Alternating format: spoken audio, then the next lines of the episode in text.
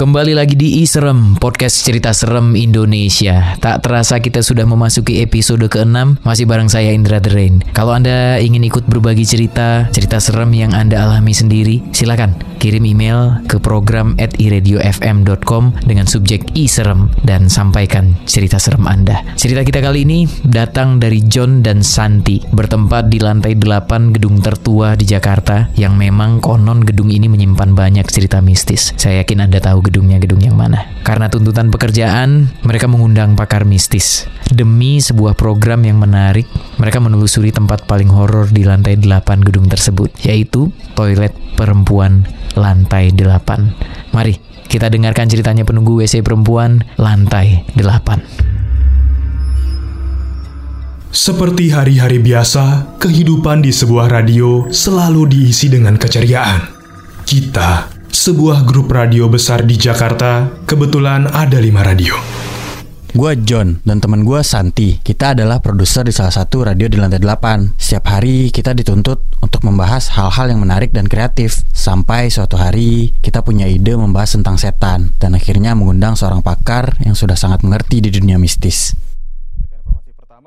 Eh, kita bahas apa ya besok? Hmm, besok kan malam Jumat ya. Seru kali ya kalau kita undang Paleo. Hah, Paleo siapa sih? Katro nih orang. Paleo yang acara misteri itu. Jah, buat apaan sih? Ngebahas penunggu lantai 8. Iya, seru kan? Nanti kita suruh dia keliling-keliling lantai 8. Terus Paleo ceritain deh ke kita ada apa aja. Ehm, ya gue sih setuju, tapi coba gue tanya penyiar gue dulu ya.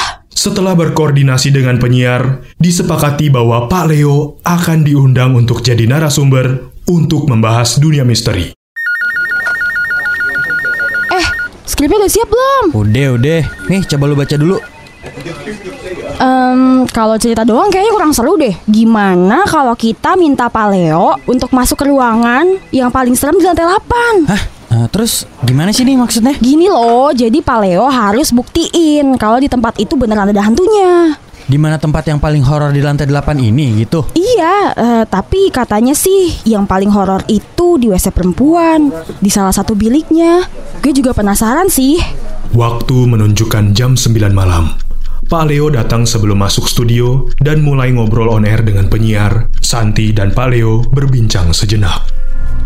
Eh, selamat malam Pak Leo, selamat datang. Iya, malam. Terima kasih, terima kasih. Sejenak, Pak Leo memperhatikan muka Santi. Tiba-tiba dia mengatakan hal yang sangat mengejutkan. Santi, aku cuman mau saran. Di rumah kamu kan ada sumur yang sudah ditimbun. Sebaiknya dibuka lagi aja. Ah, Pak Leo ngawur. Rumah saya kan nggak pernah punya sumur. Coba kamu tanya lagi deh. Eh, beneran Pak, nggak ada. John, kok dia tahu sih di rumah gue ada sumur yang ditimbun? Eh, kenapa lo nggak jujur aja sih? Males gue, takut manjang pembicaranya.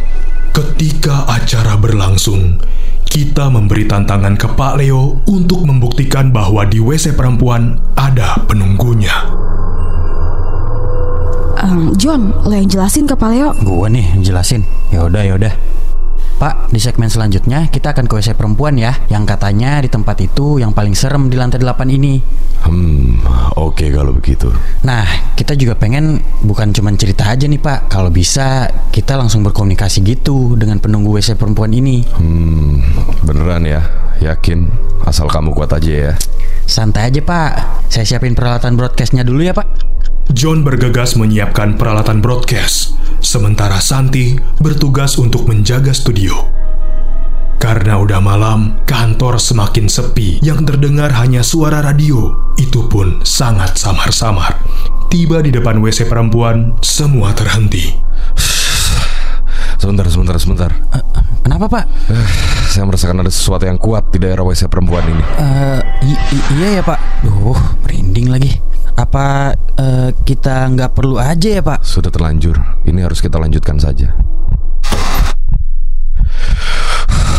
Aduh, ben- ben- bentar, bentar Pak. Saya pakai headphone dulu biar suaranya kecek. aduh, aduh.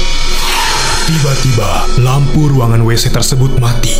Pak Leo menyuruh tim untuk tenang karena penunggu WC tersebut mulai berinteraksi dengan Pak Leo. Anjing mati lampu lagi. Tenang, tenang, tenang, tenang. Makhluk ini ingin berkomunikasi dengan kita. Kamu tenang aja. Coba-coba kamu dekati bilik yang sebelah ini. Oh, Oke pak. Nah, itu, itu, itu, itu. Arahkan mic ke arah kloset. Sekarang. Ya ampun, ben- pak beneran ini. Ini kan gelap pak. Udah cepat kamu arahkan ke sana. Cepat. Eh, iya iya iya iya pak iya pak. Di headphone John terdengar sangat jelas suara nafas. John menganggap mungkin itu nafasnya Pak Leo. John, ke kanan sekarang John. Arahkan mic ke kanan. Sebelah mana Ke situ, ke kanan. Eh, Kanan bawah Ke pak. situ. Ketika mic diarahkan ke sebelah kanan kloset, tiba-tiba suara nafas hilang. Dan terdengar sangat jelas suara yang sangat kencang. Hah? Suara apaan nih? John membanting headphone-nya. Ketika hendak lari keluar, tiba-tiba pintu WC tertutup hingga ruangan semakin gelap. Walau headphone sudah dibuka, suara semakin kencang. Seakan mengejan John sampai tiba, Satpam ikut membantu membuka pintu kembali. Mas John, Mas John nggak apa-apa. Nggak apa-apa, dia hanya kaget aja. Ampun dah. Suara apaan sih itu tadi? Makasih ya Pak Tatang. Udah bukain pintu. Sudah, udah, udah, udah. Kamu tenangin diri dulu ya. I- i- iya pak. Dan secara tiba-tiba, WC perempuan yang tadinya mati nyala kembali, seolah memberitahu kalau penunggu WC perempuan itu ada. Heh, John John, eh, lu nggak apa-apa? Ya nggak apa-apa kok San. Syukurlah semuanya udah selesai. Ini nih San hasil rekaman di WC perempuan. Kita langsung edit aja ya. Oh, yaudah yuk langsung aja kita edit. Ketika hasil rekaman tersebut akan diedit di ruang produksi, seolah-olah yang kita rekam adalah perbincangan yang bukan suara Pak Leo ataupun suara si John. Anjir, apalagi sih nih? Kok gini sih? Beneran nih.